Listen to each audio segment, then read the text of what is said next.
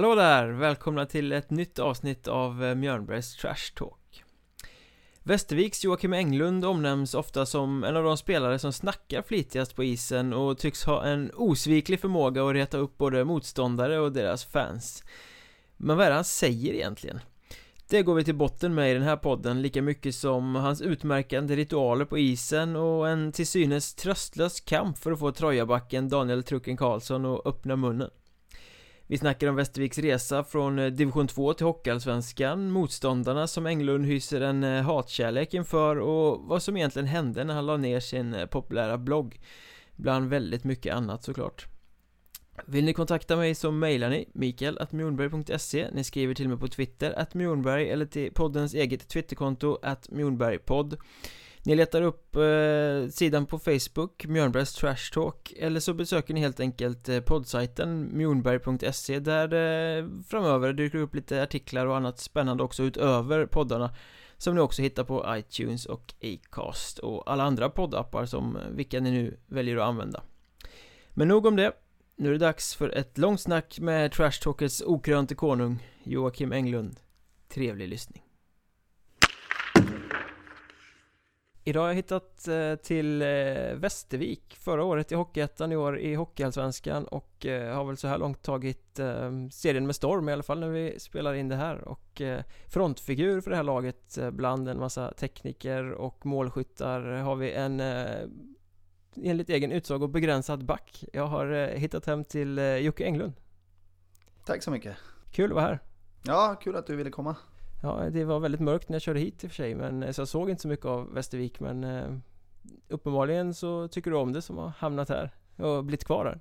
Ja exakt, det är sjunde säsongen här så det, vi trivs jättebra familjen. Eh, Barnen, vi har rotat oss känns det som. Varför hamnar man här från första början?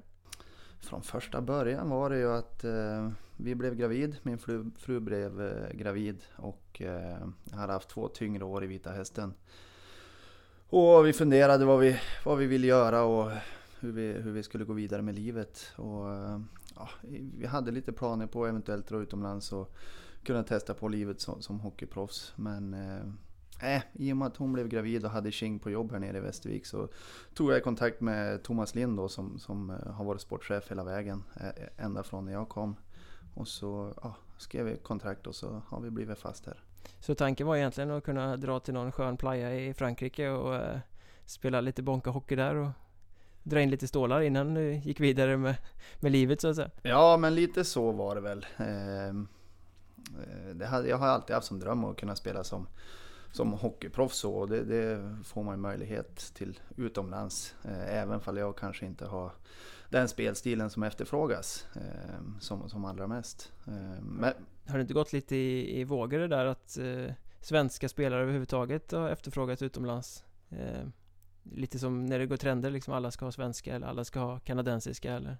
Jo men så kan det nog vara lite grann. Jag är väl kanske lite fel eh, person att uttala mig om det då jag aldrig har varit utomlands. Det kanske vi ska fråga Conny om. Conny Strömberg, din nuvarande lagkamrat alltså? Ja exakt, exakt. Han har ju varit och spelat i några länder och några klubbar så. Men eh, är den drömmen helt eh, lagd på hyllan? Funderar inte på att kunna avsluta karriären med några år i Italien eller Frankrike eller? Ja, nej, nu har jag inga sådana planer. Eh, det är, nu, nu är vi rotade här och vi har hus och två barn så att det, det är nästan praktiskt omöjligt. I sådana fall hade jag behövt vara en mycket bättre hockeyspelare så man kan livnära familjen på, på en lön. Kunna åka iväg själv och skicka en check hemåt lite då och då? Nej, det skulle jag nog inte klara av att vara borta från familjen under, under så lång tid. Är det så pass eh, familjebunden liksom? Ja, men just när barnen är ju då fyra och sex år, den äldsta har ju börjat skolan också. Eh, nej, det, det, det händer för mycket i deras utveckling för att vara borta under längre perioder. Så att det är liksom eh, Västervik till skridskorna ska upp på den berömda hyllan? Jag skulle gissa att det blir så. Hur många säsonger har du kvar i dig tror du? Kroppen eh, känns jättebra. Ehm, allting beror ju på hur det går att lösa allting med, med, familjen och jobb och hela den biten. Men kroppen känns som jag skulle kunna spela tio år till. Tills du blir Conny Strömberg gammal? ja, faktiskt, faktiskt. Eh, men jag vet, du har ju varit i Hockeyettan väldigt många säsonger med Västervik eh, Även med Vita Hästen som du säger och eh, jag vet du sa någon gång under fjolårssäsongen att du är nog en för begränsad back för att spela i Allsvenskan eh, Nu spelar du ändå i Allsvenskan och har väl inte gjort bort det överhuvudtaget eh, Så att omvärderar du den där inställningen till dig själv? Ja, det är väl egentligen ett uttalande som, eh, visst jag är väldigt begränsad, det är jag, men det är någonting jag jobbar på varje dag och försöka, försöka hitta nya lösningar i, i olika situationer som jag kanske inte har eh, gjort tidigare. Men ändå göra det med stora marginaler så jag inte ställer till det för mig eller laget. Eh, men, men sen så jag har ju aldrig spelat allsvenskan tidigare så jag vet ju egentligen inte, eller visste ju inte nu är den här serien är ju ganska ung fortfarande. Vad vi spelat? 14 matcher någonting. Så ja, när vi eh, spelar in det här har det ganska exakt gått en fjärdedel av, av serien. Ja, ja precis. Nej, alltså det, det kommer att bli ett kämp för mig hela säsongen. Det, det är tufft där ute. Men kan det inte vara bra att vara begränsad, alltså på det sättet att man, man vet sina begränsningar och kan hantera sitt spel utefter det? Alltså jag kan, jag kan tänka det är lättare att passa in i en liga då än om man hela tiden jagar sin identitet. Jo, men det tror jag och det, det, brukar jag säga, det är min största styrka också, att jag vet om att jag är väldigt begränsad. Eh, sen har man ju fått lärt sig med åren eftersom jag har, jag har en approach här de senaste åren då jag verkligen har gått ut och sagt att jag är jättebegränsad. Så jag märker ju lite grann på motståndarna att de försöker ligga på mig lite eh, hårdare eh, på senare år här. Och då får jag hitta lösningar efter det. Eh, ja, men vad är det som ehm, För de som aldrig har sett dig spela, vad är det som gör dig begränsad? Eller på vilket På vilket sätt är du? Vilken typ av back? Försöker då spela enkelt och ganska tufft och fysiskt när tillfälle ges. Ehm, sen så har jag inte, jag hittar inte de här bästa passen alltid utan försöker ju spela enkelt. Försöker hålla mig efter sargerna, pucken efter sargen och slå enkla pass. Ta pucken framåt i banan. Inte Erik Karlsson-flashigt? Alltså. Nej, nej, jag står inte och dribblar eller dansar på blå linjen exempelvis. Eller eh, skottfinta och tar den i sidled. Det är jag jättedålig på exempelvis. Men det är något jag jobbar på och försöker att bli bättre på. Men det, nej, jag har inte riktigt det där medfött. Men om du skulle lära dig det där, skulle tränaren våga använda det i sådana situationer för att göra sådana saker? Eller är det så pass inarbetat att Englund, han är stabil och gör inte det flashiga? Det är det vi ska ha honom till liksom. Nej men skulle jag, skulle jag bli jättemycket bättre, nu är jag 33 år och utvecklas inte i samma takt som man gör när man är 18, men skulle jag utvecklas och bli bättre, då tror jag att jag skulle få chansen, absolut. Men, men där har vi i dagsläget mycket bättre spelare på, på de positionerna. Ja, kanske inte så att man satsar på en 33-åring heller utan snarare på de som är på väg uppåt där. Ja, visst är det ju så också. Absolut. Men när, när kom insikten om att eh, det var sån du var?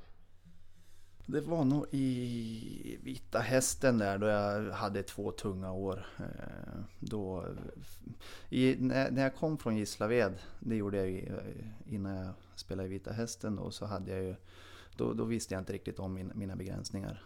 Utan eh, då försökte jag spela en offensiv hockey. Men, men vi var ett ganska ungt och hungrigt lag, spelade med mycket fart, fläkt, frenesi, inte så mycket linjer i spelet utan vi gick mycket på, på känsla.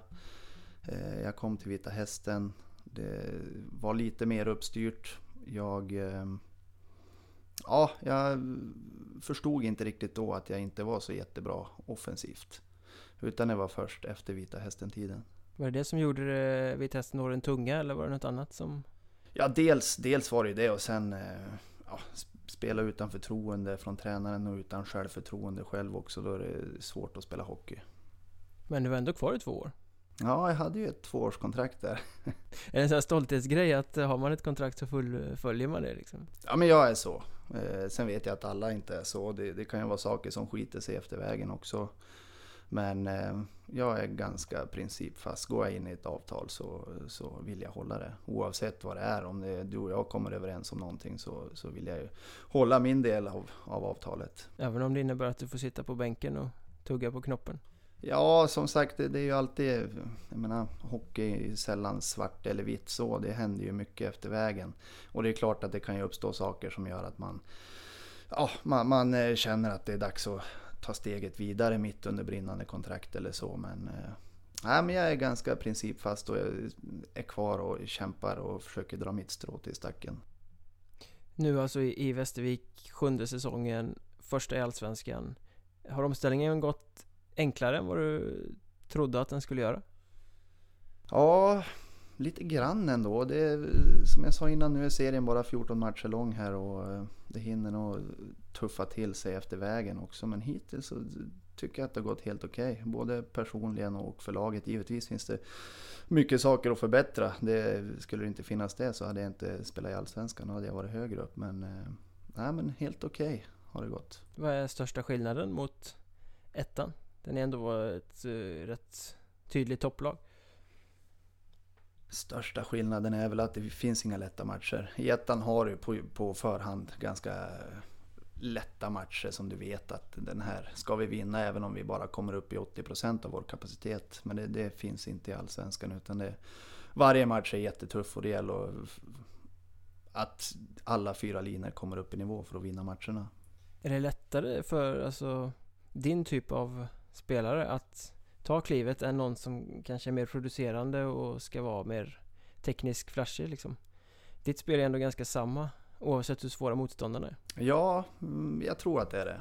Eh, jag tror att det kan vara lite tuffare för en kreativ spelare som kommer från Hockeyettan och är van att få hyfsat mycket tid på sig och så kommer man upp till Allsvenskan och inte alls får den tiden. Eh, jag är ju van sedan ganska många år tillbaka att möta eh, de bästa spelarna från Hockeyettan och det är nästan samma typ av hockey.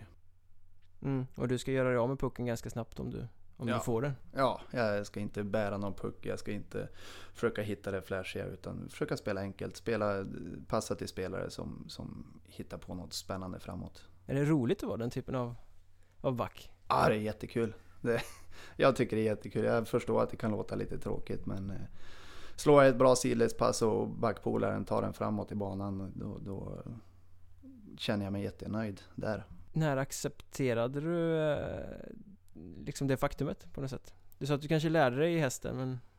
Ja, men det var nog kanske ja, mitt andra, tredje år i Västervik. Där när vi spelade i tvåan eller tog oss upp till ettan där så, så insåg jag att då började jag närma mig 30-strecket också. Insåg att jag kommer inte att utvecklas i den takt att jag kan konkurrera mot mina medspelare om de minuterna i offensiv zon eller i powerplay och så vidare. Men du jobbar fortfarande halvtid? Ja, Inte stämmer. många i, i Allsvenskan som gör det? Nej, det, nu har jag ingen statistik men, men i vårt lag tror jag vi ändå är 6, 7, 8 stycken. Hur kombinerar man det med, med långa resor till Björklöven och, eller Umeå då eh, och allt vad det nu kan vara? Det är lite annorlunda än när man spelar i, i Söderserien. Ja visst är det så. Eh, nu är det lite övernattningar och sådär men nu har jag ju förmånen att jag kan ta med mig stora delar av jobbet med datorn och eh, telefonen också. Eh, så att det funkar faktiskt ganska bra tycker jag. Så du jobbar på bortaresorna? Ja. Som säljare eller vad är det du pysslar med? Ja, jag är säljare. Det stämmer. Så du sitter där liksom, kör matchvärvning, går in i omklädningsrummet, slår en eh, litet säljsamtal och sen ut i match? ja, ah, det blir väl mest jobba via, via datorn, via mail och så när vi är iväg. Men är det liksom, sliter inte mer? Nu är det för sig du säger att serien är ung och så är det ju så att du har inte fått känna på det över en hel säsong. Eh, men anspänningen måste ju på något sätt vara lite högre i Allsvenskan. Men det är tuffare, det är TV, det är längre resor. Eh, man får liksom aldrig vila som borta mot Varberg till exempel. Man kan åka in och tänka på något annat och ändå producera så att säga. Ja, men jag tycker det är ganska avkopplande att jobba också och få tänka på annat. Få, få fokusera på någonting helt annat än, än matchen. Och sen när det är match då gäller det att koppla på givetvis. Eh, koppla på huvudet och se till så kroppen är i, är i fas. Eh, men nej, men jag, jag har ju hela min hockeykarriär så har jag jobbat så jag vet ju ingenting annat. Skulle du däremot göra tvärtom, att en, en, en hockeyspelare som har varit proffs i tio år går in och börjar jobba på matchdagar, då tror jag att det blir tufft. Men eftersom jag inte vet om något annat så, så är det avkoppling för mig. Det kanske rent av skulle bli skadligt om du slutade jobba? Ja, jag är en ganska rutinmänniska så. Eh, så skulle jag inte jobba skulle det nog kännas ganska konstigt. Men hur är det på matchdagar annars? Har du liksom så här, eh, en viss tid när du går in i bubblan? När det liksom, nu, nu är det dags att, att koppla på Ja. fighting spirit liksom. Eh, Lite från match till match. Det är klart vissa matcher går man ju eh, och tänker och längtar till matchen hela dagen. Medan vissa dagar så kopplar man på när man kommer till hallen. Det är lite olika. Jag, jag är inte så jätte... Just innan match är inte jag så jättenoggrann med vad jag gör eller vad jag äter. Det, det var mer för en 7, 8, 10 år sedan att jag hade mina, mina vanor så långt innan. Men blir det som tvångstankar liksom? Nej. Om man, om man har den typen av vanor liksom, jag måste 17.03 sätter jag på mig strumporna, sen går jag fyra varv runt hallen och liksom sådär. Har ni spelare i laget som, som håller på så? Ja, men det tror jag alla lag har. Nå- några spelare som har sina speciella rutiner som de har kört i, i tio års tid. Så, absolut. Men varför kastar du dina då? Nej, men eh, när man har familj och så här, man har lite annat att tänka på också. Ehm, jag tror att det har lite grann med det att göra. Sen har man väl märkt också att oavsett om jag följer mina rutiner slaviskt så ehm, spelar jag inte bättre för det i eh, långa loppet. Även fast man intalar sig det när man har de här rutinerna. Blir du en bättre hockeyspelare tror du av det här med att ha familj och att liksom ha något annat att landa i när du kommer från hallen så att säga? Ja, men det tror jag. Eh, framförallt om man har en tyngre period, man förlorar några matcher i rad. Som nu när vi spelar in den här podden så eh, har vi förlorat fyra raka matcher. Det är klart att det hjälper när man kommer hem och ungarna är lika glada oavsett om man vinner eller förlorar. Det är klart att då, då, ah, då glömmer man hockeyn för en stund och fokuserar på annat och kommer upp i, i nivå. Man, man är inte, går inte omkring och är sur hela dagarna. Är de stolta? Ja, jag tror det. Den, den äldsta har ju börjat skolan här och hon går glatt omkring med sin vikmössa på, på skolan. Så att, eh, det tror jag att hon är. Och eh, jublar när pappa hamnar på bild i tidningen? ah, det är mer att hon konstaterar att ah, där är pappa igen. Igen? Ja, du är li- linslus alltså? Nej, nej men det, det är rätt mycket hockey här just i Västervik. Eh, så det, det, de känner ju de flesta grabbarna i laget också eftersom de hänger en del på ishallen. Så att de brukar peka ut vilka grabbar i laget som är i tidningen. Det blir liksom ofrånkomligt när man är på en, på en sån här ort och lever så nära hockeyn liksom. Ja, jo men lite så är det och nu kom ju Drugge tillbaka här för några dagar sedan och då ville den minsta gå in i omklädningsrummet och eh, säga hej till Drugge. Överlycklig. Ja, hon var jätteglad. Du nämnde, eh, apropå barn och, och sådär nyss, att vissa matcher är tuffare, eller det finns inga lätta matcher, men vi- vissa matcher i Allsvenskan måste ju ändå vara tuffare än andra. Du kommer ju från Örnsköldsvik. Mm. Eh, antar att du var Modosupporter som, som kid? Ja, ja, absolut. Jag, fram till 16-17 års ålder så missade jag inte många hemma, hemmamatcher. Hur eh, var det då att komma till Fjällräven där uppe och, och inte bara möta Modo utan dessutom slå Modo? Ja, det var riktigt fränt. Det var hyfsat med publiken då, 3800, så det var rätt, rätt bra drag på läktaren. Så sen har inte jag någon koppling till Fjällräven Center, för de, när jag växte upp så Var var det hallen. Kemp i hallen, precis. Så eh, Fjällräven kom väl 2007 där tror jag, så ehm, jag har ju bara varit inne i den arenan en gång. Ehm, Så har de ju rivit Kemp i hallen, men det, det är klart att det är jättekul att åka hem och få spela inför vänner och släkt och sådär. Men hur känns det nu när ditt lag ligger i toppen på Allsvenskan och Modo ligger och sladdar i botten? Eh, När vi spelar in det här, det kan ju ändras snabbt givetvis men Ja, men det, jag håller ju inte på Modo idag så som jag gjorde för 10-15 år sedan. Man, man tappar ju lite band med åren givetvis. Men, eh, nej, men det, det bästa hade väl varit om både vi och Modo hade kunnat lägga där i toppen. Men hade de varit kvar i SHL så hade Då hade du hejat på dem Ja, absolut, absolut. Då måste det ju vara någon form av lite speciell känsla att tillfoga dem förlust så att säga Blir du mindre glad över en sån seger än om det hade varit Södertälje som stod på andra sidan? Nej, Södertälje gillar jag inte sådär jättemycket. Och, eh, men, men det är ju klart att man är ju lite extra glad när man slår Modo. Eh, Så är det ju. Sen blir jag extra glad när jag slår Södertälje också. Kanske än mer än om vi vinner mot eh, Västerås som jag inte alls har någon koppling till. Jag har, ja, jag har mött dem en gång här i år då. Men, nej, men det, är- det är kul att slå sina gamla klubbar. Skaffar du dig, alltså genom karriären, olika serier du har spelat i, skaffar du dig liksom lag som du på något sätt hyser mer hatkärlek till än andra i varje serie som du, som du kommer till? Ja, visst är det så.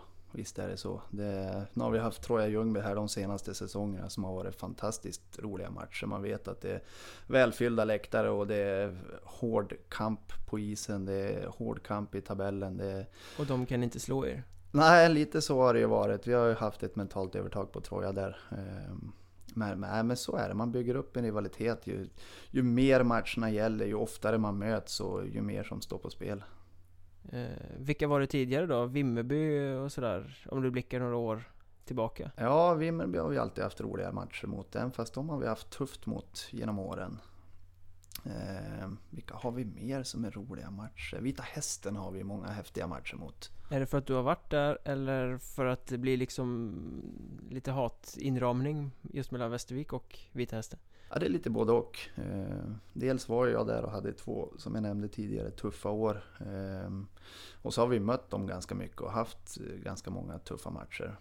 Sen nu inför i år också är det lite extra speciellt. De tog ju två av, två av våra bättre spelare från fjolåret då. Varav en har kommit tillbaka. Ja, precis, precis. Eh, då snackar vi Oskar Drugge som bara var och vände i Norrköping och är tillbaka i Västervik och eh, Simon Mittman som ju var, ja, ni var väl många publikfavoriter i och för sig men han måste ju tillhört en av dem ja, de stora här nere med den spelstilen.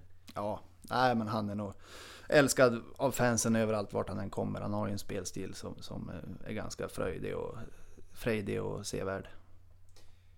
Men du är enda herrn i det här laget som har varit med hela vägen från division 2 Om vi bortser från tränare Mattias Kalin Ja, det stämmer om du liksom kort kärnfullt får försöka sammanfatta den resan som ni ändå har gjort på de här säsongerna Den är ganska påtaglig Ja, den är, det är en spännande resa Första året så hade vi det jättetufft Vi Dels så hade vi en kille i laget som gick bort i början på november tror jag det var. Ehm, och, ja, redan innan där, vi hade ett svagt lag. Så vi, vi åkte ju runt och förlorade i hela södra Sverige och ja, vann kanske var femte match. Så vi hade en jätte, jättetuff säsong. Ehm, vi, ja, vi åkte ur. Och strax efter det så dog ordförande. Så den säsongen är ett totalt mörker. Det var två dödsfall eh, tätt in på varandra då? Ja, ja precis. Det, det, var en riktigt tuff säsong. Så då funderar man ju givetvis efter en sån säsong om man ska fortsätta spela eller om man ska lägga av och fokusera på annat. Men eh, efter det så kom ju Mattias Kalin in i bilden eh, och började få ordning. Vi fick lite hemvändare också. Ragnar Karlsson kom hem och eh, Alexander Johansson kom också hem. Och vi lyckades ta oss upp till ettan. Och ja, hade en riktigt bra säsong där i tvåan. Tog oss till ettan och då var vi ju lite, vi kom ju från tvåan, var ju nykomlingar. Nu har jag svårt att sätta finger på hur det gick, men jag tror inte vi tog oss till allettan det första året. Och jag tror att vi missade playoff där också. Jag tror Tranås snuvade oss på den platsen. Sen året efter då tog vi oss inte heller till allettan men vi tog oss till playoff via fortsättningsserien. Men då fick vi möta Tingsryd i playoff 1 som blev övermäktiga där. Eh, vann med 2-1 i matcher. Och sen har vi då de två senaste säsongerna då vi har tagit oss till kvalserien. Så att det har ju varit, varit en häftig resa där vi verkligen har tagit steg för steg. Stadigt uppåt. Ja. Hur, sto hur stor del har Karlin i det där liksom? Nej, han är jätteskicklig. Han är jättebra på det han gör. Det, han får ut sitt budskap till truppen och han kan, kan peta i taktiska detaljer som gör att vi kan eh, vända eh, egentligen oavsett hur utspelad vi har varit i en eller två perioder så kan vi gå in och peta lite grann i små detaljer och så går vi in och vänder matchen till vår fördel. Men någonstans måste det vara någon sån här gruppdynamikbyggare också? Ja, jo men absolut. En, en, en, grupp som inte mår bra, de vinner ju inte de flesta matcher heller. Men vad tror du på, alltså Nu har ni gjort den här resan som är rätt eh, fantastisk och bara blivit bättre och bättre.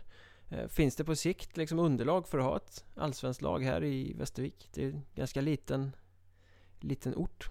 Ja men visst är det så, det är en lite mindre stad. Eh, Men samtidigt så funkar det på andra ställen. Oskarshamn har ju, det är inte heller så stort, och i Tingsryd, det jättelitet. Så eh, visst finns det ju möjligheter men det är klart att du kanske får kämpa lite mer för att dra in publiken och få in eh, sponsorpengarna i en mindre stad än vad det är i en storstad. Mm, mm, ni har kommit en bit på vägen i alla fall. Ja men absolut, det tycker jag. Du har aldrig haft erbjudandet att sälja åt Västerviks IK? Nej, inte det. Skulle du vilja? Nu trivs jag jättebra på mitt nuvarande jobb. Men skulle jag få den frågan så det är klart att man, man får ju överväga för och nackdelar så absolut. Men jag trivs jättebra på mitt nuvarande jobb så jag har inga planer på att byta. Å andra sidan brukar väl folk som eh, både spelar i laget och jobbar i klubben inte göra ett jättebra jobb eftersom det blir kanske lite mer fokus än nödvändigt på rollen som spelare då? Ja, precis, precis. Det kan ju vara lite känsligt också eh, att sitta på dubbla stolar i en förening eller oavsett vilket företag du, du jobbar med så kan det vara tufft att sitta på dubbla stolar.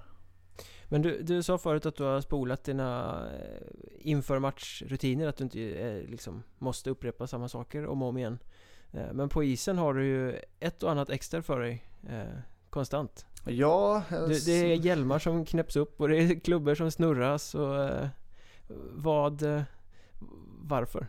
Nej men jag, jag är väl en liten provokatör på isen och någonstans så märker man ju vad motståndarna stör sig på och vad de lägger fokus på. Och det är klart att när jag knäpper upp hjälmen i varje avblåsning, de blir inte överlyckliga. Eh, vissa matcher går de till och med och skvallrar till domaren och säger till att jag inte får ha hjälmen uppknäppt. Det, det är lite kul att de lägger fokus på sådana saker. Så att jag snurrar på klubban, jag drar av snö från klubban, jag knäpper upp hjälmen. Det är väl de, de som syns, de rutiner som syns. Men när började du med, med det? Det måste vara mer än tio år tillbaka i tiden. Är det inte jobbigt? Nej. Avblåsning efter avblåsning efter avblåsning. Jag kan säga att jag är nog bäst i serien på att knäppa hjälmen snabbt. men eh, blir det lite så här tvångsmässigt också? Jag menar det är klart det är provocerande men hela tiden liksom. Nej, jag upplever det inte så. Hur ofta kommenteras det från läktarhåll eller sådär som... Eh... Ja, det hör jag, det hör jag inte. Det är ja, men, jag, ja, men jag tänker liksom vid sidan av så här. Folk kommer fram och pratar. Var, varför håller du på sådär? Vad är det liksom som... Ja, men det är klart att folk kan komma fram och fråga så. Men det, det är inte så mycket. Det är framförallt på, mot, när vi spelar borta så träffar man inte publiken. Det är mer hemmapubliken så. Då, de tyckte bara det är kul. De skulle bli oroliga om du inte gjorde det? Ja, exakt. Vad tror du skulle hända om du slutade? Jag vet inte. Alltså, skulle du jag bli skulle sämre? säkert spela sämre hockey. Jag tror det. Ja, det är lite vidskepligt sådär att det liksom ja. ligger någon form av, av känsla i det ändå. Ja, ja, lite så. Det var rätt kul att du nämner det. Jag, när jag spelade i Vita Hästen där och hade, hade en tung, ett par tunga säsonger i min hockeykarriär så sa tränaren Jeff Hellegard, han kallade in mig på rummet och sa att eh, ju mer jag snurrar på klubban och knäpper upp hjälmen ju sämre hockey spelar jag. jag vet inte, jag, ja, redan då hade jag ju hållit på med det i flera, flera år. Så jag håller inte riktigt med där utan jag, det går på slentrian. Så att eh, det gör varken bu eller bä för mitt hockeyspel. Autopilot liksom? Ja. Har någon annan tränare försökt säga till dig att sluta med det där? Nej. Det är liksom fritt fram? Ja, ja exakt. Eh, är du liksom, är du värst i all, Allsvenskan och ettan av det du har sett själv? Eller är det någon annan som har ännu mer ritualer för sig?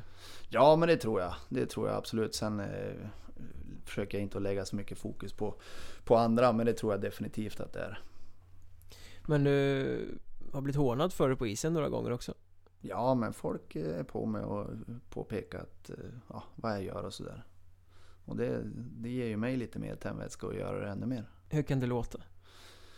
Ja, hur kan det låta? Jag vet inte om jag har något konkret exempel så här på rak arm. Men, men eh, jag vet, jag ser ju när spelarna smyger till domaren och säger till. Och så kommer ju domaren tio sekunder senare och säger till mig att jag måste knäppa hjälmen. Det, det, det är rätt kul faktiskt. Och då säger du, ja men det hade jag ju tänkt göra i alla fall. Ja, exakt, exakt. men du är en provokatör eh, på isen.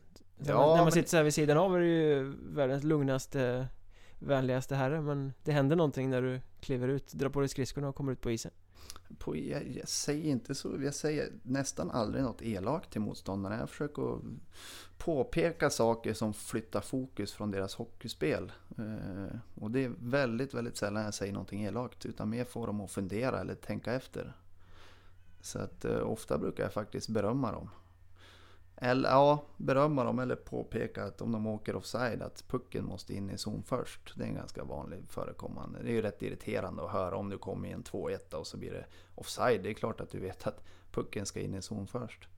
Och kan man då vara där och peta in att man påpekar för dem att det är offside om du åker in i zon före pucken. Det brukar de inte tycka är jättekul.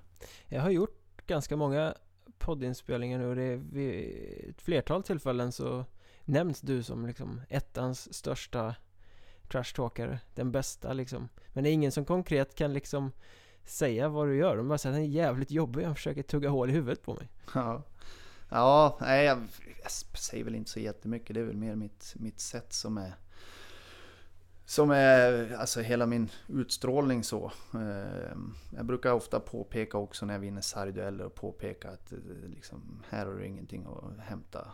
Här nere i mitt, mitt sarghörn vinner jag alla sargdueller. Ehm, med sådana saker. Tror du att du, i och med att du är en begränsad back, att det tar ännu hårdare när du åker där och petar på självklarheter? Ja, men det tror jag. Och så tror jag att eftersom jag är ganska obrydd av mig själv när de försöker att vara på mig så ehm, och jag vet om att jag är en dålig hockeyspelare så har de inte så mycket att komma med. Det biter som inte. Jag tror att det kan spela in också. Du kan inte slå ett Erik Karlsson-pass? Liksom. ja men exakt, exakt. Nej jag vet. Ja. men när upptäckte du att du var, du var bra på det här? Att du var bra på att få motståndare ur balans genom att använda munnen med en klubban? Bra fråga. Det går nog ganska långt tillbaka i tiden. Det, ja, det måste nog vara Gislaved någon gång där kanske. Eller kanske till och med ännu tidigare. Uppe i LN91 som jag spelade i tre år. Det är nog Norrlandslag. Är det Örnsköldsvik? Ja, mittemellan Övik ja. och Umeå. Är det. Så... Um, Ja men där är krokarna. Sen är det svårt att sätta finger på vart det börjar. Men det är klart att nu har jag spelat i södra Sverige i många, många år. Och då, då får, möter man ju spelare som man känner igen. Och det är klart då, då blir det lite lättare kanske att gå på och påminna någon om förra matchen eller lite sådär. Känn, alltså du har ju fått ett rykte om det, så när kände du att det började det ta sig? Ja, men det var nog här i Västervik tror jag. Jag tror det. Ehm, kan vara tre, fyra år sedan. Och sen har du liksom ägt isarna? Nej, nej, nej det vill jag inte påstå. Men, eh, nej, men jag tycker det är kul att munhuggas lite och tjabba lite, lite med glimten i ögat så. Blir du en bättre hockeyspelare då? Ja, men det tror jag. Det håller mig skärpt och i fokus. Många säger, eller försöker ju säga det i alla fall, att ja, men, det är trash talk, det är liksom Det är något gammalt, det funkar inte, det biter inte på någon längre men eh, Det gör det ju uppenbarligen Uh, I och med att du omtalas så mycket och folk lägger ju fokus på dig mm. Ja det var en Englund och så det där liksom uh, Känns det på isen när man När man äger någon eller när man liksom När orden tar? Ja, det är en kombination av mitt spel och att orden biter. Det är inte, åker jag och tuggar med folk och de vinner varenda närkamp, det är ju klart, då får ju de ett övertag på mig. Då ser jag ju bara löjlig ut. Men eh, kan jag vinna lite närkamper och eh, fortsätta tugga och känna att jag har övertaget i båda delarna. Det är klart att då, då, tror jag det blir tufft för motståndaren att komma tillbaka nästa gång man har en, en kamp nere i sarghörnet. Vad tycker du utmärker en, en duktig trashtalker eh, som du möter? Eh, svår fråga. Eh, ja, men en, en sån som man försöker att eh, få lite ur balans men han bryr sig inte och ändå gå ut och leverera topphockey. Det, det, det är en bra spelare som, som men... Ja men en, en duktig motståndare, alltså en duktig som är duktig på att trashtalka själv också, som inte är du. Alltså vad, vad, vad får... Vad har andra spelare för egenskaper som gör dem till duktiga trashtalkers? Ja, det är lite olika. Ta en sån som Simon Mittman exempelvis. Han eh, har en egenskap, han lyssnar aldrig på vad motståndarna säger utan hans mun går konstant. Och så sen när du tror att du får chansen och ska svara, då fortsätter han att tugga ännu mer. Så jag vet inte, det är väl hans taktik att eh, bara låta munnen gå. Så jag brukar... Han är, han är ju bra på det han gör också, givetvis. Men eh, det är svårt att få någon syl i vädret där. Jag kommer ju kanske med lite mer tänkvärda grejer. Eh, så jag vill få dem att fundera. Han matar ju bara med, han låter ju bara munnen gå hela tiden. Vet inte själv vad han säger. Ja, det vet, vet han nog. Han, är, han vet nog vad han säger så, men han vill inte höra på vad motståndarna säger. Självupptagen? Ja, kanske lite. Men har det förändrats över tid? Alltså tugget på isen, vad som sägs och inte sägs? Har det blivit grövre? Har det blivit mindre såna här meningslösa könsordspåhopp? liksom? Ja, det har ju blivit mindre. Eh, nu, jag skojade till det här om året och då, vi mötte ju Sundsvall och då åkte ju, åkte ju Månsson ut på matchstraff. Eh, och då hade de precis fått ett matchstraff för om det var tackling i ryggen eller checking to the head. Så vi fick ett 5 mot 3 överläge där. Eh, och då sa ju han lite väl eh, valda ord, ord till, till kompisen Öman i vårt lag. Och då var det ju som att förbundet, eller domarkommittén statuerade ett exempel och satte avstängning på det också. Och efter det så har det varit väldigt, väldigt lite. Det gav effekt liksom även in i andra lag och andra Ja, jo, men jag tror blir det matchstraff och avstängning, det har du inte råd med. Utan då får du välja andra ord. Så efter det har ju ordet gubbjävel blivit ganska vanligt förekommande. Och det biter ju mer på en annan som är, är lite gubbig av sig än, äh, än att bli kallad för ett könsord. Men äh, var det mycket sånt innan? Alltså, jag kan tänka mig bögjävel och allt sånt där liksom som, som folk kastar ur sig. Ja, men jag tror de som är duktiga på att snacka, de tar inte sådana ord i munnen riktigt. Utan det, det är så här, det biter inte för fem öre. Nej, folk brukar säga det att liksom... Ja, ja men sådana ord är liksom... För det har man hört egentligen hela uppväxten. Så det tror jag bara rinner av de allra, allra flesta. Men kan man säga att klimatet har blivit bättre på isen av... Ja, men det tror jag. Det tror jag. Nu, är det ju, nu har det ju varit fokus ganska mycket på på beteende och vad man ska säga och hur man ska uppföra sig och hela den biten senaste fem, fem åren i alla fall. Så det tycker jag har blivit bättre. Men hur är det med domarna då? Tar de åt sig? Kan de liksom få för sig att det är till dem man muttrar och snackar ibland liksom? Eller hur, hur hanterar domare trash talk spelare emellan? De brukar vara ganska lugna. Nu brukar inte jag säga så mycket elakt. De brukar, domarna brukar mest flina om, jag, om de hör mig säga någonting till motståndarna. De tycker att ha nu är han igång igen. Ja, du är känd hos dem också. Ja, jo men det, det tror jag. I alla fall de domarna som har dömt i Hockeyettan. Men du var ju kapten i många år också. Mm. Det innebär ju att du har en, en kommunikation med domarna. Ja. Eh, innebär det att de också kommer att prata med dig liksom så här, nu får du lugna dig lite här eller? Jo, men lite så är det ju. De, de domare som dömer i båda serierna eller de domare som också har tagit steget upp till Hockeyallsvenskan. Det är klart, de vet ju vem jag är och man har en, en, bra relation till dem är ju, det är ju en liten fördel, det tror jag. Hur stor del av, av spelet tycker du trash talk är liksom? Hur viktigt är det för att det ska vara hockey på riktigt?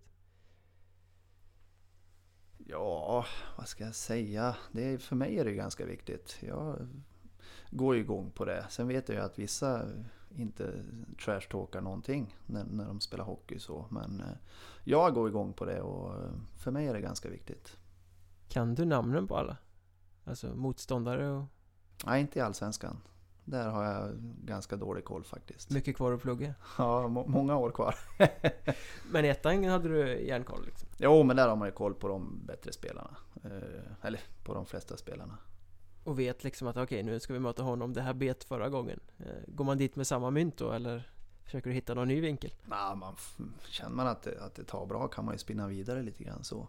Men det är som den största skillnaden om man har spelat i en serie i många år så vet man vilka spelare, vad de har för egenskaper ute på isen. Och då kan man ju anpassa sitt eget spel, framförallt försvarsspelet, efter motståndarna. Vet jag exempelvis att jag möter en liten snabb spelare, ja men då kanske jag inte ska ligga tight eller på mellanhand för då kan han vända bort den. Antingen tar man avstånd eller så ligger man jättetajt så man kan trycka upp dem i sargen.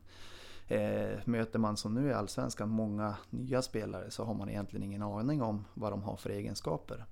Så det, det, är lite, lite svårare så. Det är det där som brukar kallas rutin? Ja, men lite så. Vilka, om du får liksom plocka fram några namn från Hockeyettan som du själv tycker var duktiga på att surra eh, bland motståndare? Ja, Mittman har du ju nämnt, han är ju ja, motståndare i år. Men... Ja, precis. Törnqvist i Mariestad gillar ju att surra. Eh, vilka har vi mer? Ja, men Flash i Troja gillar ju att tugga. Mm. Trucken gillar inte att tugga. Jag tror inte jag har hört han säga ett ord någonsin. Nej, han är inte den, en man av stora ord direkt. Nej, han, eh, jag vet inte, han... Jag försökte att få igång han här under några års tid men jag, jag tror inte ens han säger hej när vi, när vi har tagit hand där inför matcherna. Eh, så det, där har jag gått bet. Trägen vinner. Ja, lite, lite så är det väl. Ja, då, då har, äger han dig just nu då eftersom Ja. han fortfarande håller tystnaden vid liv. Ja, precis. Sen så är ju han en defensiv back också så vi syns ju inte så mycket ute på isen under, under spelets gång så. Ja, om någon av er har hamnat fel då.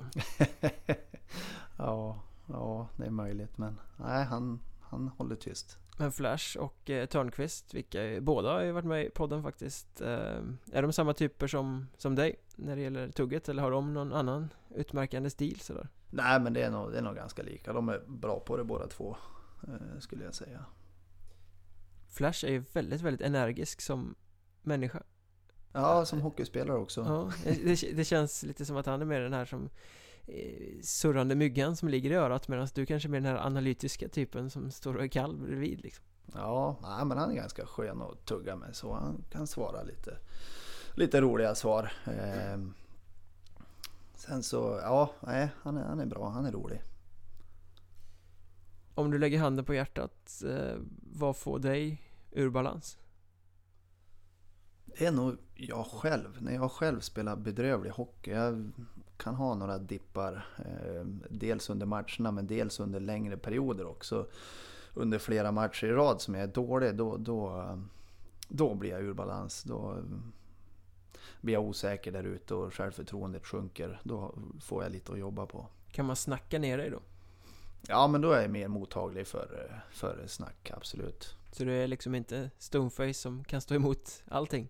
Det finns en människa bakom trashfasaden Ja. där också? Ja, men det, så är det ju. Det är, det är lättare om man, om, man, om man är lite ur balans i sitt eget spel. Det är klart, då är det lättare att trycka på rätt knappar.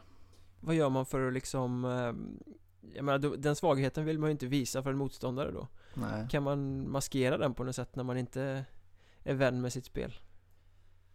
Ja, det, det jag jobbar med väldigt mycket när jag är inne i de här perioderna det är ju att bara spe, försöka spela ännu enklare. Inte försöka hitta något konstruktivt utan bara göra det så enkelt som möjligt. Sarg ut, sarg ut, sarg ut. Sarg ut, enkla backback, eh, inga flippass. Eh, det gör jag inte så mycket annars heller men, men har jag självförtroende kan jag försöka mig på i alla fall. Slutar du snacka då också? Nej, det är när jag försöker nog hålla igång tugget för att, för att försöka väcka mig själv på något sätt. Det tror jag. Alltså skulle motståndarna kanske rent av bli eh, förvånad om det var tyst? Ja, men det tror jag. Framförallt de motståndare som jag mött under flera år. Nu i Allsvenskan så är det ju många som inte vet vem jag är. Nej, det har liksom, ryktet har inte föregått dig så att de allsvenska vet att okej nu ska vi möta Västervik, då kommer han den där. Nej, det tror jag inte. Det är väl de som har följt mig upp till, till Allsvenskan som har spelat i Hockeyettan. Ja det är ju ganska många. Det är, det är Ja. ett halvt Tingsrydslag och ett helt Södertäljelag och eh, mycket Pantern-spelare. Ja, ja. Det, så är det ju. Alltså du har lite pluspoäng på de flesta där va?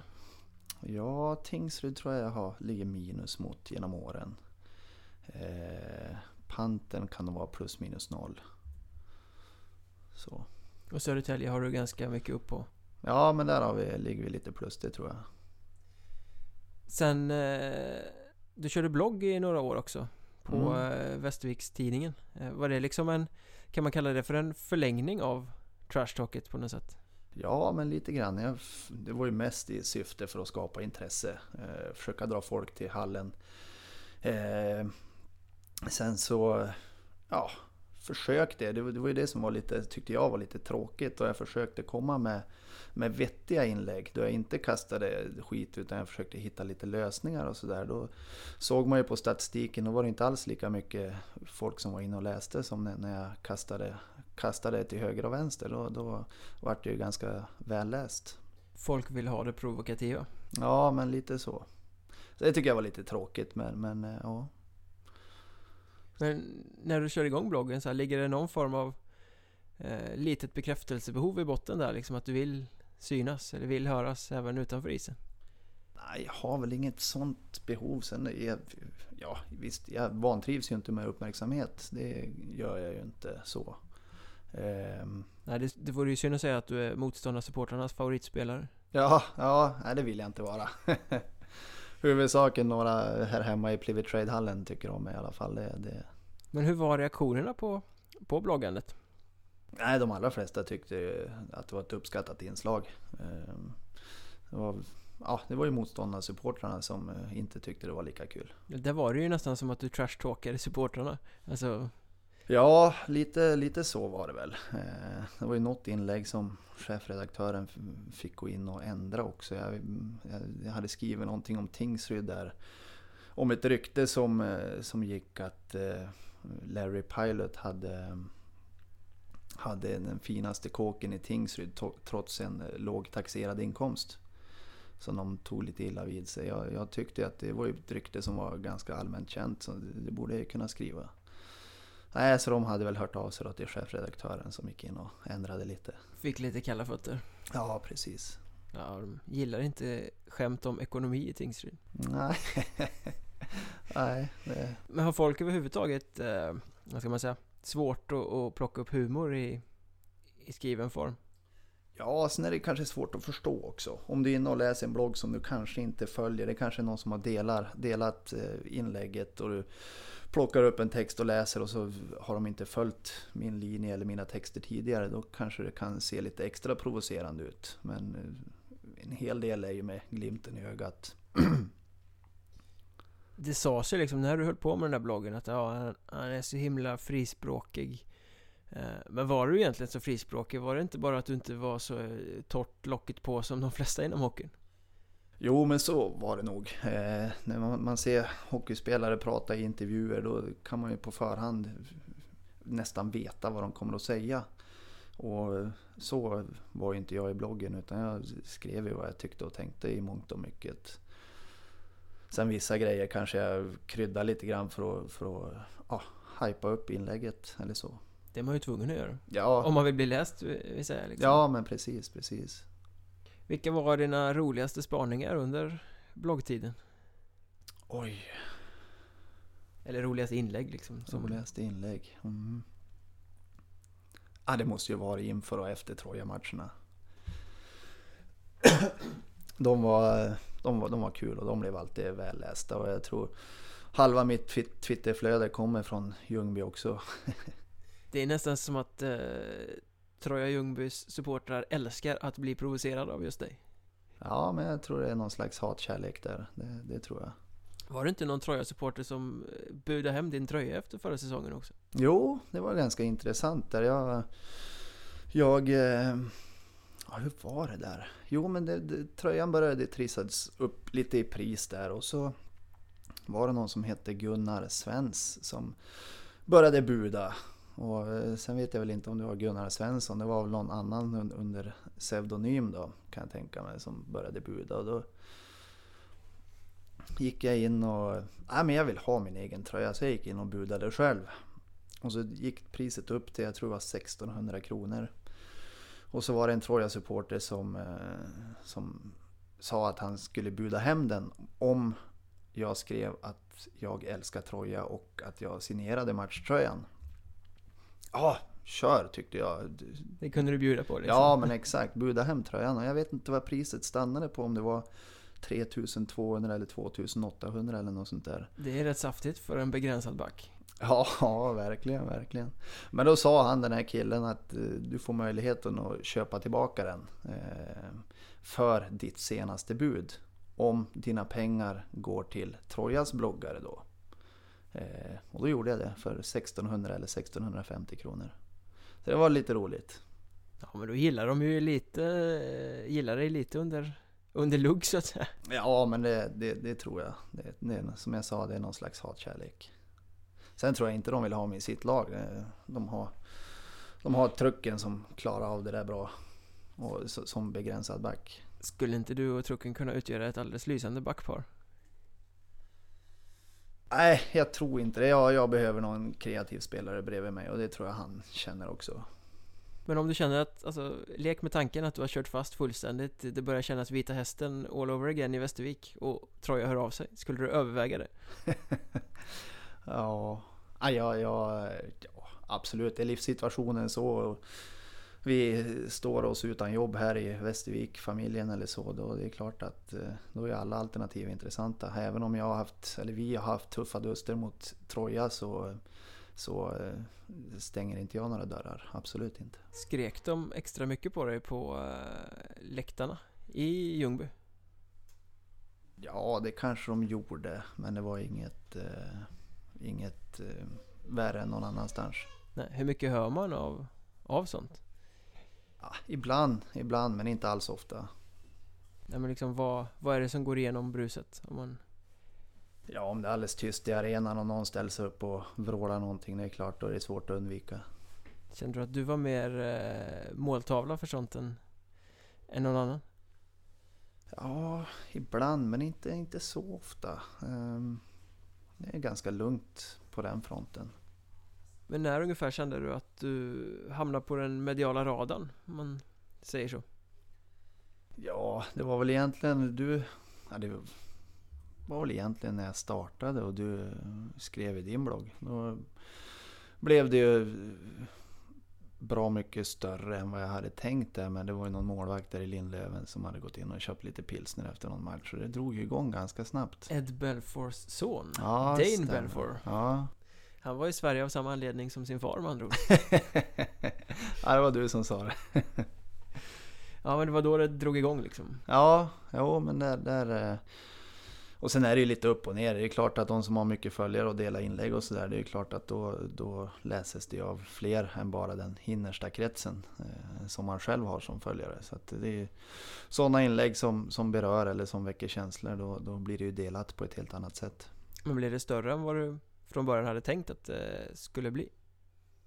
Ja, både och. Det, eh, jag hade väl hoppats på att mina, mina bättre inlägg hade fått eh, mer uppmärksamhet. än- genomtänkta eh, konstruktiva förslagen på... Ja, exakt, exakt. Men försökte du pusha dem på något sätt då så att de skulle få en större... Eh, större spridning eller sådär liksom? Nej, inte mer än, än eh, de sociala kanaler som jag besitter, inte mer än det.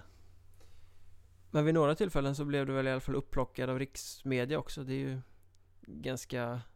Händer ju med jämna mellanrum att man skriver någonting och så plockas det ur sitt sammanhang och lyfts upp.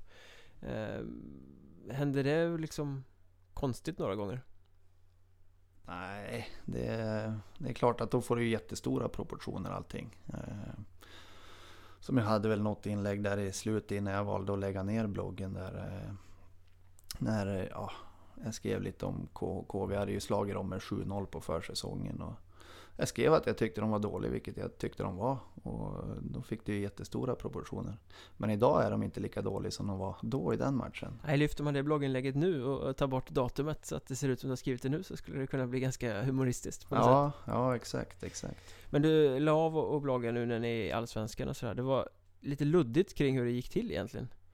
Mm. Eh, kan du en gång för alla förklara vad som hände där? Nej, det var inget, egentligen inga konstigheter. Det var missförstånd. Eh, som, ja, som gjorde att jag...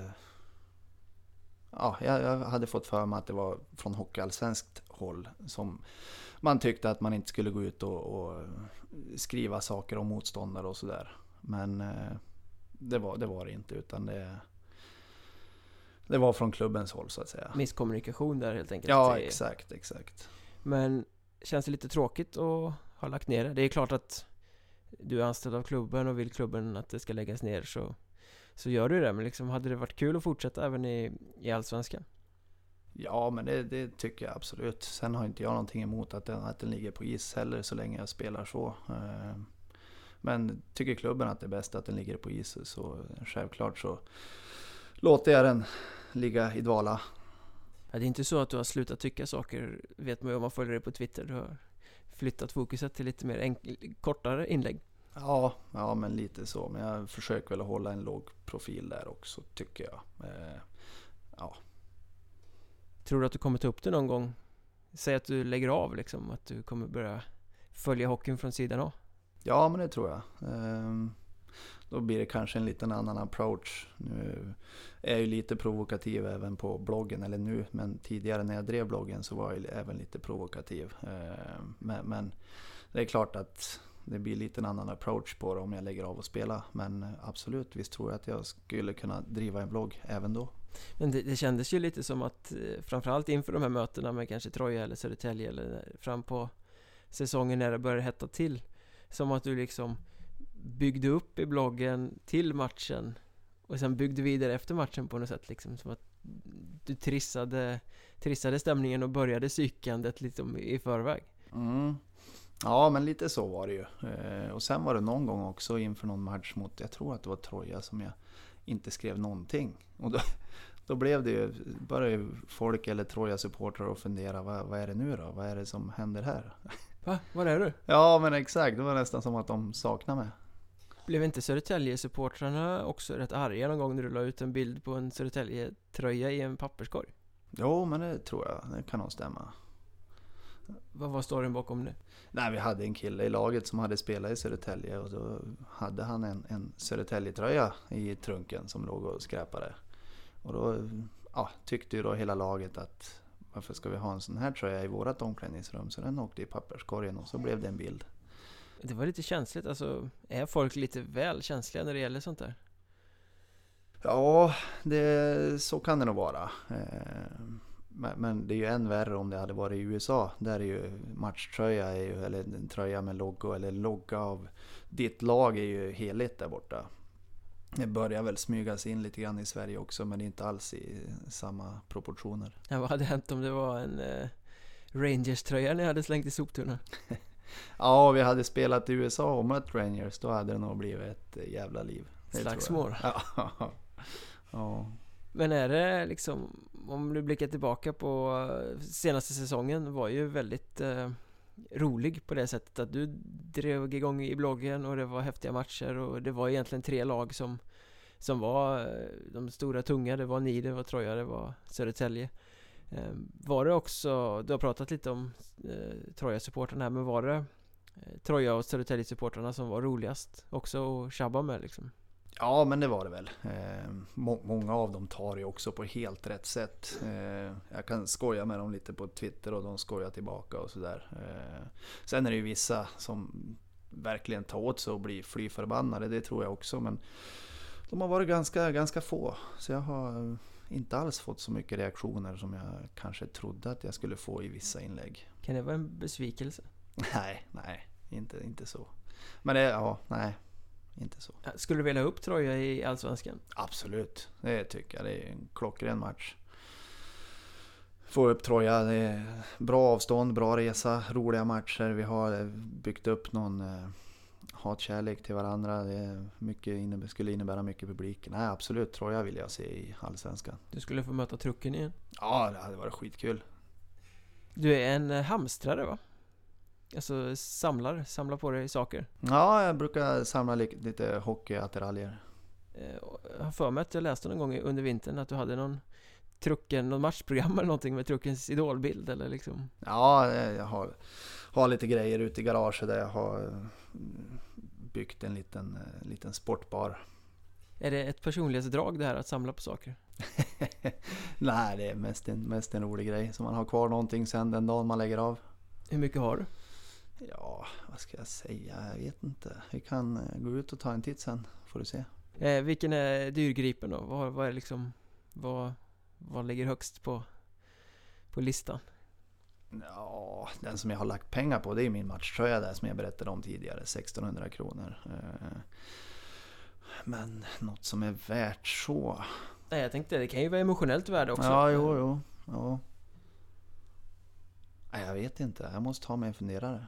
Du går och plockar puckar och sånt också? Jag har sett på uppvärmning och sånt. Åker med i fickan? Ja, ja det har följt med från tiden uppe i, när jag spelade uppe i LN91 där uppe i Nordmaling. Så det var en ideell förening. Vi hade inget betalt alls. Vi fick köpa vår utrustning. Eh, trots att det, det var i division 1 då också. Eh, så då, på bortamatcherna så var det väldigt vanligt att spelare fick med sig ett par puckar i byxorna ut efter uppvärmningen och så. Eh, så att ni hade till era egna träningar hemma? Så. Ja men exakt, fylla på vår egna puckhink. Eh, lite så var det då. Det, det, det är ingen mängd jag tar. Det är kanske en puck var tredje match när jag hittar någon speciell puck. Ja, som eh, liksom har producerats till någon specifik match eller som har ett tryck då som är speciellt. Ja, ja exakt. Men det är lite så samma som att snurra på klubban, en vana som hänger med. Ja. Pucktjuven. Ja. Eh, Jag har faktiskt en eh, god vän Vi behöver inte säga hans namn, vi behöver inte säga var han jobbar Men eh, under flera år så köpte han aldrig toapapper För han tog med sig en toarulle från jobbet varje gång han gick hem ja, ja, det finns alla varianter här. Så det eh, går att sätta i system Hur många puckar har du? Bra fråga, jag vet inte. Kan jag ha 20? Kanske. Men ligger de på hedersplats liksom sådär så att eh, de, de är- inte används? Eller tar du ut dem när det är allmänhetens åkning och du åker Nej, och latchar nej. med döttrarna? Liksom? De är uppställda i garaget. Hur ofta går du ut och tittar på dem? ja, det är inte, inte så att jag... Ja, nu har jag en kvart över, nu går jag ut och kikar på samlingen. Nej, de, de är där. De, ja, när, när det... Vi brukar köra lite pingisturneringar ibland där ute. Då, då ser man dem. Men hur, eh, hur ofta för oss som inte befinner oss nere på isen och ser puckarna puckarna sådär, hur ofta är de specialtryckta? Ja, men det är lite, lite... Då och då kan man se en, en puck. Framförallt på bortamatcherna. På hemmaplan så vet vi vad vi har. Eh, men på bortamatcherna ibland kan det smygas in lite specialpuckar. Men vad står det på en vanlig matchpuck i Västervik? Är det liksom tillverkaren eller står det Hockeyallsvenskan eller står det Västerviks IK? Eller? Vi har, dels har vi Hockeyallsvenskan, sen har man ju den här Svenska ishockeyförbundet, den klassiska. eh, Tråkiga, ja. Ja, det är, väl, det är väl egentligen de två som vi har. Eller helt svarta. Även när man eh, spelar match? Nej, då är det Svenska ishockeyförbundet. Det finns någon sån här bestämmelse om att eh, det ska vara si och så? Ja, jag tror det. Jag tror det. Jag är inte så insatt i det där men... Ja, du har mer koll på puckar än vad jag har. ja. Ja. Eh, Men nu när du har gjort den här resan genom eh, systemet som du har gjort liksom, Kan du känna att det händer mer i de lägre divisionerna? Alltså så här konstiga saker runt matcherna eller allmänt? Jo, men det är lite mer rock'n'roll. Eh, nu i Allsvenskan så är allting uppstyrt minutiöst. Det är liksom, du ska ha uppvärmning mellan 20 över och 20 strikt och du ska gå in på isen tre minuter innan match och så vidare. Det, det, I Hockeyettan börjar det bli ganska bra uppstyrt också. Eh, så var det inte för 10 år sedan exempelvis. Mer positivt eller negativt? Ja, jag gillar ju när det är lite High Chaparral. Jag eh, tycker tycker att, eh, nu, nu förstår jag att det finns ju stadgar på vad man får och inte får göra. Men jag tycker att eh, när motståndarna kommer hit då ska det ju vara ett helvete. Det ska vara... Ja, de ska inte ha någon matte på golvet. De ska ha mycket kortare bås, avbytarbås än vad vi har. De ska få hälften så mycket puckar och så vidare. I Allsvenskan är väl allt sånt reglerat, tror jag. Så att det, det ja, de har matta, de har lika stort bås och så vidare. Höll ni på med mycket sånt i ettan? Alltså, Nej, jag har ju varit på vaktmästarna här i eh, Plivet Trade-hallen att kapa ner motståndarnas bås. De har alldeles för mycket plats. För det vet man ju när man kommer till ja, men, eh, Hovet exempelvis. Då är ju avbytarbåsen är ju minimala. Det är jobbigt, det tar lite, lite fokus, det plockar någon procent här och där. Och, ja, det är jobbigt. man får trängas som...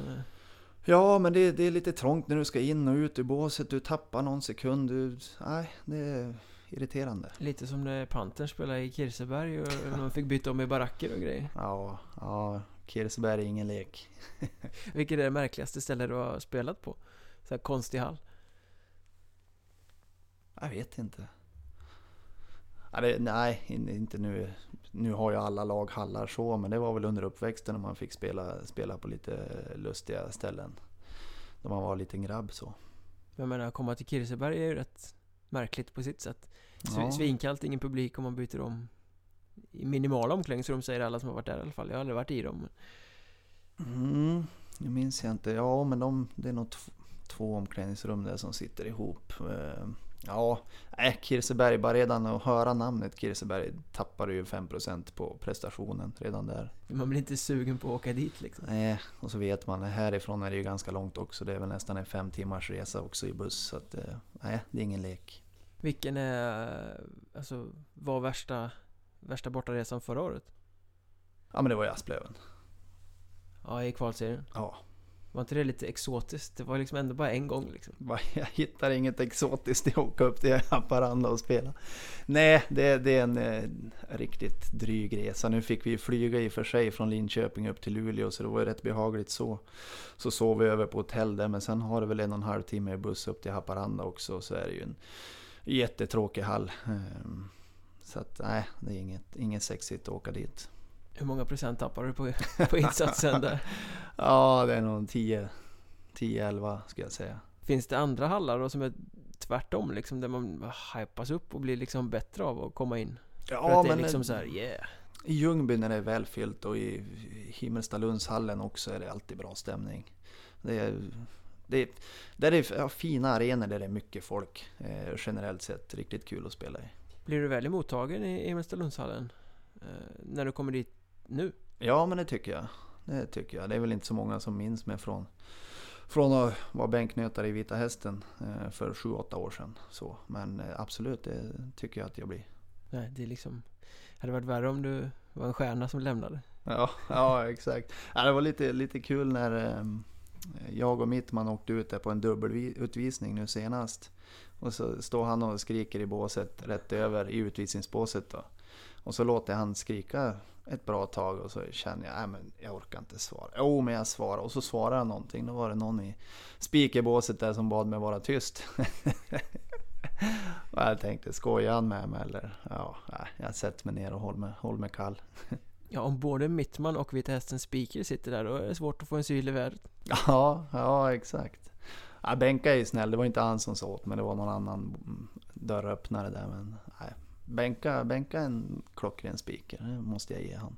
Ja, du är nog en av få motståndare som gillar honom då i så fall. Det är, Ja. det är ett, ett eh, ständigt återkommande ämne bland supportrar till andra lag hur vedervärdigt det är i Himmelstalundshallen med världens bästa hockeylag från Sveriges huvudstad och allt vad det nu är han ga- gastar om. Ja, det är nog en och annan som kan störa sig lite grann på det där, men jag tyckte det bara är kul. Det är sånt som du skulle kunna säga på isen för att provocera. Ja, ja men lite så. Eh, Du nämnde att ni hamnade i Västervik på grund av jobb och, och sådär och bildade familj och slog er ner här och sådär. Du är gift med sportchefen på tidningen. Mm. Eh, hur... Eh, finns det några problem i det? Eh, just den här gränsen, vad kan man säga hemma och inte? Nej, Eh, vad det- kan skrivas och inte som du har sagt och sådär liksom? En, det måste vara en balansgång. Ja, visst är det så. Eh, nej, men om jag säger till Malin det här får inte komma ut exempelvis. Då eh, kommer det inte ut. Nu, nu händer det inte alls ofta så. Men, eh, nej, men det har, har vi inga, inga svårigheter med. Nej men det som har sagts i, i omklädningsrummet får ju inte hamna på Nej, en krönika i tidningen liksom. Nej, precis. Heller om det skulle hända någonting inom laget eller så. så eh, då eh, försöker jag hålla Malin borta från det. Har ni haft den diskussionen någon gång? Alltså, Ja, men det- för länge sedan liksom att hur ska vi hantera det här? Jo men absolut, visst är det så. Och det är ju Tidningen, Västerviks-tidningen har ju ett koggsystem också då tre spelare får koggar efter matcherna och det, det blir lite speciellt. Ibland skriver ju Malin matchen. Och eh, om jag gör en kanonmatch, vilket kanske inte är så där jätteofta, men, men det är ändå lite känsligt om hon skulle ge mig koggar då. Eh, Så att det, det, Det ja, är, men det alltid, är klart. någon, alltid någon som kommer skrika jäv. Ja men exakt, exakt. Ja, men det, det är klart att vi har haft den diskussionen. Men Det är Ni- tur, det är tur det inte är så bra. ja, jag tror du inte vinner skytteligan i alla fall. Det Ja. kunnat bli. Men ja, ni kan ha det på det klara liksom. Men du måste ju ändå få höra det ganska ofta. Eh, ute bland folk eller sådär liksom. Att det ifrågasätts på något sätt. Nej, Det är så? ja, aldrig. Inte? Inte fått något sådär tränar... eh, Säkert folk som pratar bakom ryggen eller pratar utanför min vetskap så, men eh, inte, inte till mig. Men det har liksom aldrig ställt till någon komplikation sådär? Nej, inte, inte vad jag kan minnas här på rak arm. Kan du känna någon oro för att du ska göra det någon gång? Nej. Inte ens om det blir någon skandal liksom som på något sätt. Att du ska, Ja, hamna, då- att du ska hamna i kläm liksom. Nej, men är det sådana saker då brukar Malin se till att eh, det är inte hon som gör, gör det jobbet. Nej, du får i egenskap av chef lägga ut det på någon annan. Ja, exakt, Ja exakt. men det är ändå liksom svårt med att ha en bakgrundskunskap tänker jag som man inte får använda. Mm. Jag som journalist skulle ju liksom så här, brukar ju ofta säga till folk att eh, när det är så här Det här får du inte skriva. Brukar jag säga att men då vill jag inte att du ska säga det. Mm, mm. För jag kan inte gå med någon information som jag inte får använda. Det blir ju bara jättegalet på något sätt. Ja, Svårt liksom. sen är det väl lite skillnad också på, på kvällstidningsjournalistiken kontra ortsjournalistiken så. Eh, Man är kanske mer beroende av varann på den lokala nivån än vad du är när det är rikstäckande. Mm. Så det är lite, lite skillnad så också tror jag. Ja, definitivt. Så är de är inte lika beroende av att sätta en skandalrubrik som kanske Aftonbladet är. Om Nej, precis, precis. Det är liksom. eh, blir ni mer bevakade nu när ni är i Hockeyallsvenskan? Ja, men det tycker jag. Är ganska stor skillnad så. Även om vi har byggt, byggt upp intresset under de senaste tre fyra säsongerna här så, så är det rätt stor skillnad. Ja, ni har ju ganska eh, drivna killar som gör video och grejer runt, runt Ja, laget. ja, ja men absolut. Där vi har, det är jättebra både från föreningens sida och från eh, lokalmedias sida så, så är det, har det snäppat upp ett, ett steg här. Apropå runt laget, den här förbannade jävla tutan som era supportrar kör med när ni gör mål och, och sånt. Mm. Hur enerverande är det att höra den? Ja, för oss Alltid. är det ju bara kul. Vi har gjort mål, vi är alltid toppen men säkert stör det ju motståndarna en del. Ja, det psykar mig kan jag säga. Ja, och du är inte ens motståndare. Nej, när man sitter och ser på TV eller liksom, nej den där, den är ju hemsk alltså. Ja, då kan du tänka dig vad motståndarna tänker. Vi har just gjort 2-1 med en minut kvar och så drar de igång den där. Hur länge har den hängt med? Jag vet inte. Jag kan inte sätta någon startdatum. Jag... Fanns den här när du kom hit? Det törs jag inte svara på. Kanske inte fanns några supportrar när du kom hit? Ni var Jo, men vi hade, två. vi hade en eh, klack då. Nu har den vuxit med åren, absolut. Men eh, vi hade en klack då som var mindre och det, den, den har säkert hängt med. Det kan jag tänka mig. Snackas det om den? Nej, inte hos oss. Nej men alltså hos lag som kommer hit. Jag kan säga att bland på pressläktare så muttras det över den ibland. Det kanske är pressen som är mest förgrymmad över tutan. det, det är vi som är mest lätta att provocera. Ja. Men det, det känns som, är det ganska mycket så provokativa grejer runt Västervik liksom? Eller är det mer än runt andra föreningar? Tror Jag, jag tror att vi kommer ju från, vi har inte varit i Allsvenskan någonsin. Det, och det är ju i mitten på 90-talet när laget var som bäst senast och var uppe på lite högre nivå och nosade. Eh, så det, det, är ju, det har ju varit lite eh, rock'n'roll-förening så. Eh, och det kommer nog ligga kvar ett tag, det, det tror jag. Men man behöver inte backa mer än några säsonger i Hockeyettan när det var ganska mycket konstiga incidenter runt Västervik. Men det var några vatten sprutar grejer mot läktare och det var liksom så mycket små, små grejer. Ja, ja men det... det nej men så, så är, har det nog varit med Västervik genom åren, det tror jag. Tror du att ni blir bättre av det också? Liksom? Ja, men Att det byggs någon sån här mentalitet liksom, att ni växer i, i vinddraget på något sätt. Jo, men det tror jag. Det är väl lite som BIK Karlskoga där också. Att de, de är ju ett erkänt grislag och det är klart att de växer när, när, när det pratas om att de är ett grislag. Det tror jag absolut. Och lite, lite åt det hållet vill man väl komma också. Att motståndarna ska tycka att det är tråkigt att komma hit och att de bara vill åka hem egentligen. Det var jävla tråkigt förra säsongen när BIK spelade hockey och inte grisade. Ja, Ja. Man valde inte deras matcher på TV för att det var liksom bort från identiteten. Det känns som de har kommit tillbaka lite i år till att ja, ja. spela sådär. Men Västervik är ju inget grislag. Ni, Nej. ni, ni är väl jobbiga för motståndarna på det sättet ni spelar, men det är inte för att det är grisigt liksom. Sen har ni haft grisar som mittman och sådär i laget givetvis, men Ja, precis. Vi vill ju spela hockey och vinna, vinna matcherna genom att spela bra hockey så. Eh, sen tuffar det till så då har vi några killar som kan gå i bräschen där också. Men du snackar mycket med när du är särskilt ful. Har du mycket sådana här små, små exter också? Lite slashings Så lite... Nej, det, är, det, det har ju försvunnit från hockeyn. Det går nästan inte att vara en ful spelare så. Då. Visst, nu får jag ganska mycket utvisningar ändå. Jag vet inte om jag har, tror jag har 7 tvåor eller något sånt där på, på 14 matcher. Men det, det är mest när jag möter små snabba forwards och jag, jag vill vinna pucken snabbt och kliver på lite. Och de lurar mig helt enkelt och en klubba fastnar mellan benen. Nej, jag, kan jag vill inte påstå att jag är en ful spelare. Men någonstans så måste ju det här provokativa spela över lite i... Ett ord kanske ger ännu mer effekt om man sätter en liten klubba i ländryggen samtidigt. Ja, ja visst är det så. Men det, det, är väl mest i boxplay som man delar ut lite smällar. Eh, hockeyn idag är så snabb, eh, Så det är svårt att spela fult och grisigt utan att åka ut för det i, Ja, det- längden. Det har skett en förändring så va? Liksom att de här riktiga grisarna har blivit färre och färre. Ja. Ja, du, har inte, du har inte råd att sitta i utvisningsbåset i parti och minut. Det, då blir laget straffat och då får du mindre istid personligen också. Så att det, Men inte skönt att komma ut dit och få vila lite där. Man har haft ett trögt byte. Och Vi hade, vi hade en match här för några, några omgångar sedan då jag i andra perioden vi var långt till båset fick jag ingen möjlighet att byta. Jag var inne i 2.30. Då Oh. drog jag på mig en utvisning. Då var det eh, skönt att åka dit ut. Men annars brukar det inte vara det. Gjorde du motståndarna mål? Nej, jag tror inte. Nej, men då var det ju en välförtjänt rast bara. Ja, precis. Eh, vi ska knyta ihop det här så sakteliga men eh, du har varit, du har blivit 33 år, du har varit här väldigt länge. Eh, du säger att kroppen håller tills eh, du är Conny Strömberg gammal.